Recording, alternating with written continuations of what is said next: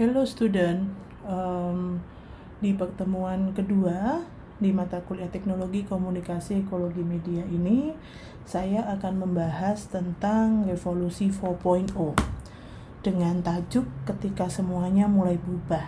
Nah, um, di sini uh, saya akan mulai melihat uh, beberapa hal yang terkait dengan uh, revolusi industri.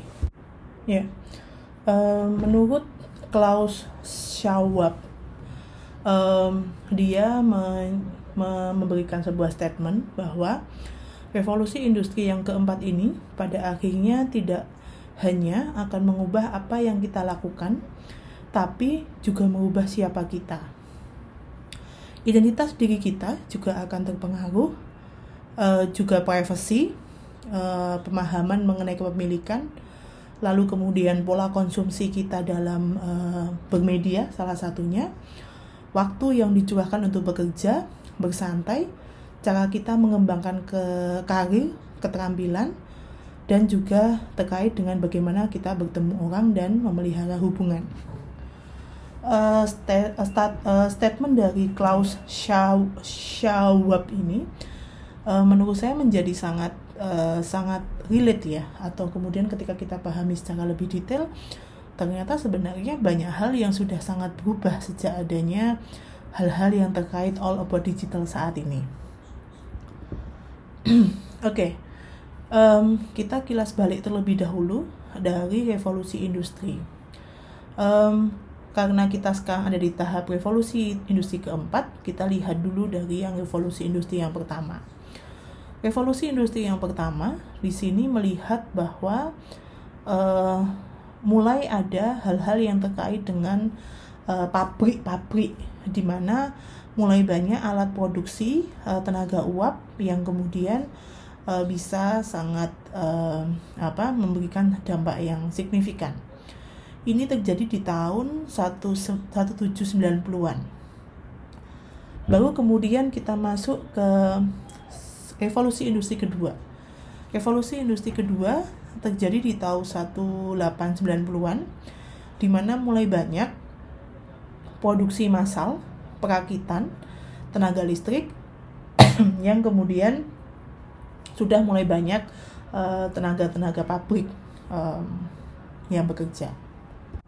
Lalu kemudian kita masuk ke revolusi industri ketiga. Revolusi industri ketiga, kalau dilihat dari tahunnya 1960-an ini sebenarnya juga sudah uh, agak kurang lebih relate dengan yang kita bahas di pertemuan sebelumnya tentang new media um, atau new teknologi kom, uh, teknologi komunikasi baru dan lain sebagainya. Karena di sini sebenarnya sudah mulai uh, banyak media terkait dengan tek elektronik, uh, sistem teknologi informasi di tahun-tahun ini sudah banyak pembahasan mengenai um, apa dan sudah banyak mengenai media televisi, media radio di luar negeri juga sudah ada uh, koneksi terkait dengan internet dan lain-lain walaupun belum sekompleks sekarang dan uh, otomatisasi. Barulah kemudian ketika masuk ke revolusi industri keempat, barulah kita masuk tentang siber uh, sistem siber fisik. Nah ini yang kemudian kita um, akan lihat. Nah dari kata kunci yang menarik dari tiga eh empat revolusi industri ini Menurut Vitalik Buterin menjelaskan bahwa revolusi industri itu memungkinkan kita untuk pertama kalinya itu mulai menggantikan kerja manusia dengan mesin.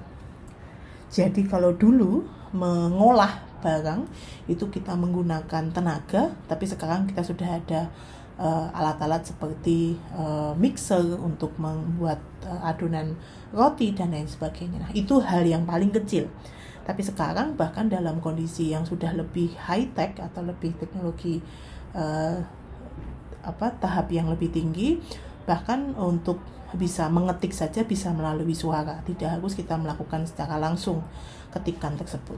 Nah itu yang namanya tahap di mana revolusi industri itu menggantikan kerja manusia dengan mesin. Nah um, nanti akan kita bahas mengenai kenapa pada akhirnya ini menjadi penting untuk dibahas kita akan tahap di mana masuk ke new world, new risk, dunia baru termasuk kemudian resiko baru. Nah, resiko ini yang kemudian harus sama-sama kita ketahui.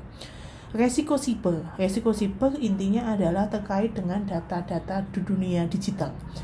Terkait dengan ancaman peretasan data itulah kemudian pentingnya mengganti PIN ATM contohnya dalam waktu berkala atau kemudian kalau terkait dengan password kita itu perlu kemudian memiliki banyak uh, pe, kesesuaian lah mulai dari huruf besar, huruf kecil, uh, tanda, uh, lalu kata-kata yang tidak boleh ada dalam identitas kita dan lain sebagainya. Nah, ancaman-ancaman ini semakin ke sini semakin mudah terjadi karena kita harusnya juga lebih aware tentang pentingnya keamanan data kita. Lalu kemudian eh, dampak dari adanya eh, resiko tadi siber itu adalah mulai perlahan munculnya peraturan baru tentang eh, dunia digital. Inilah kemudian perlunya tindakan preventif untuk memitigasi ancaman yang akan muncul. Contohnya ketika uh, beberapa sekarang media di uh, email contohnya sudah ada yang namanya two step verification. Jadi kalau mau masuk email harus masuk di handphone yang nomor handphone yang terkait. Nah, uh, pertanyaannya kan berarti nomor handphone kita juga sangat sangat mudah dicek ya atau dimiliki oleh uh, Google contohnya itulah kemudian kenapa uh, tadi antara email dan nomor handphone juga tidak boleh asal di share ke orang lain uh, berikutnya adalah uh, tadi yang tidak boleh di share adalah password dan passwordnya harus uh, memiliki ke, apa kerumitan yang signifikan Berikutnya resiko uh, kedua itu adalah resiko talenta. Nah, resiko talenta ini sebenarnya sangat mulai kelihatan betapa orang sekarang mulai bisa digantikan oleh mesin. Contoh yang mulai terlihat ketika kemarin sedang ramai-ramai um, tol, e-tol. Nah, dulu kalau kita masih di beberapa tahun yang lalu, tol itu uh, masih ada orang. Jadi kalau kita membeli uh, tiket tol harganya 3000, kita ngasih uang kemudian baru dikasihkan ke uh, dikasih ke kita uh, apa karcisnya. Baru kemudian nanti pintu tolnya dibuka. Nah, sekarang semua mulai digantikan e-money di kita tinggal tap-tap saja sehingga ketika kondisinya seperti itu berarti petugas-petugas uh, tol tenaganya atau keterampilan tidak dibutuhkan dong. Nah, itulah kemudian kenapa keterampilan baru juga dibutuhkan karena kebutuhan di dunia saat ini di dunia baru ini juga membutuhkan uh, talenta yang baru juga. Nah, um, kita sekilas saja lah membahas mengenai 4IR atau revolusi industri 4.0. Pertama, ketika si um, Klaus Schwab ini menjelaskan di tahun 2016 di World Economic Forum, dia menjelaskan bahwa technologically, a technological revolution that is blurring the lines between the physical, digital, and biological spheres. Ini menjelaskan bahwa teknologi saat ini, revolusi teknologi saat ini itu sebenarnya menyamarkan atau membuat blur garis batas antara fisik, digital, dan biological, sesuatu yang sangat sangat tipis karena kemudian kita tahu bahwa e, banyak hal yang e, e, apa ya hal yang fisik. Contoh yang sudah terlihat itu adalah ketika e, mungkin teman-teman sudah mulai kenal ya namanya e, beberapa bank digital di mana bank digital tersebut sebenarnya kita kalau nggak kalau kita nggak punya ATM-nya aja juga nggak apa-apa sih. Nah itu yang kemudian mulai dipikirkan tentang kata-kata physical. Fisik itu menjadi penting atau tidak uh, itu menjadi perdebatan. Ada beberapa orang mengatakan ya namanya ATM ya berarti saya harus datang ke mesin ATM-nya, saya harus megang kartunya. Nah, padahal beberapa orang sudah kemudian menggunakan uh, online banking contohnya, tidak perlu ada kartu, bahkan beberapa uh, merchant atau e-money sekarang sudah menggunakan barcode di mana kita bayar juga tinggal scan barcode saja selesai. Nah, itu yang kemudian dinamakan me, me, me, me, ya menyamarkan atau membuat blur batas antara physical, digital dan biological aspects. Nah, uh, ada beberapa pembahasan yang sebenarnya ini kelihatannya kok berat, tapi sebenarnya intinya itu adalah um, intinya adalah sesuatu yang sangat dekat dengan kita. Robotika, kecerdasan buatan, nanoteknologi, komputasi kuantum, bioteknologi, 3D printing, Internet of Things, kendaraan otonom, Contohnya kalau dari bawah, kendaraan otonom uh, di beberapa uh, negara sudah ada uh, atau saya nggak tahu ya saya sendiri juga tidak punya sebenarnya. Di beberapa film atau beberapa tayangan yang saya lihat di luar negeri sudah ada uh, automatic driving. Jadi uh, sudah bisa melakukan uh, penyetir itu di uh, orang tersebut atau di melalui mobil tersebut jadi kita tidak perlu uh, apa uh, standby dua uh, apa ya 100% untuk fokus ke uh, menyetir nah ini kemungkinan besar bisa terjadi karena memang uh, di beberapa negara orang menye, uh, orang menggunakan jalan raya tidak terlalu banyak. Beda dengan kita yang sering sekali macet. Nah, itu yang uh, satu dua yang kenapa di Indonesia itu seperti itu. Walaupun sebenarnya di beberapa mobil, uh, saya nggak tahu ya kalau nggak salah di uh, videonya Deddy Kombuser yang uh, mobil Tesla, kalau nggak salah juga sudah ada kendaraan otonom. Pertanyaannya, apakah uh, maksudnya bukan kendaraan uh, memiliki fitur yang uh, self driving tadi pertanyaannya apakah fitur self driving itu juga dipakai oleh uh, pengguna Tesla di Indonesia itu kan pertanyaannya karena memang dengan kondisi traffic uh, lalu lintas di Indonesia yang sangat padat ini justru sangat bahaya kalau kemudian seperti itu. Um, lalu kemudian di Internet of Things. Internet of Things sebenarnya mulai banyak sekali ketika contohnya beberapa uh, contohnya ini kulkas. Kulkas itu um, su sudah ada ada sebuah ada sebuah ini kaitannya dengan kecerdasan bio uh, buatan dan lain sebagainya perlahan beberapa beberapa produk di sana sudah bisa memberitahu bahwa oke okay, um, ini telurnya habis ini sayurnya habis ini um, apa namanya uh, buahnya habis jadi mereka semua memberikan notifikasi ke handphone kita untuk memberitahu bahwa ternyata kulkas sudah mulai kosong dan lain sebagainya. Oke silahkan uh, pemiliknya untuk segera belanja. Nah itu gambaran-gambaran yang uh, sebenarnya sudah mulai dimasukkan di beberapa tahun lalu mengenai revolusi industri 4.0.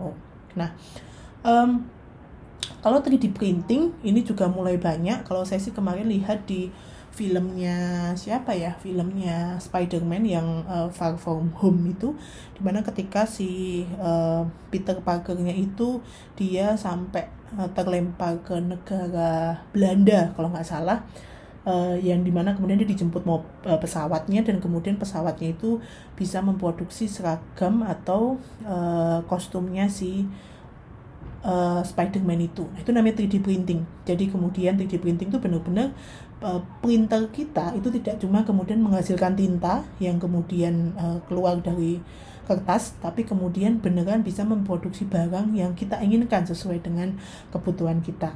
Nah, itu yang namanya 3D printing. yang menarik dari um, ini semua itu adalah ketika kita sudah mulai masuk ke dalam big data.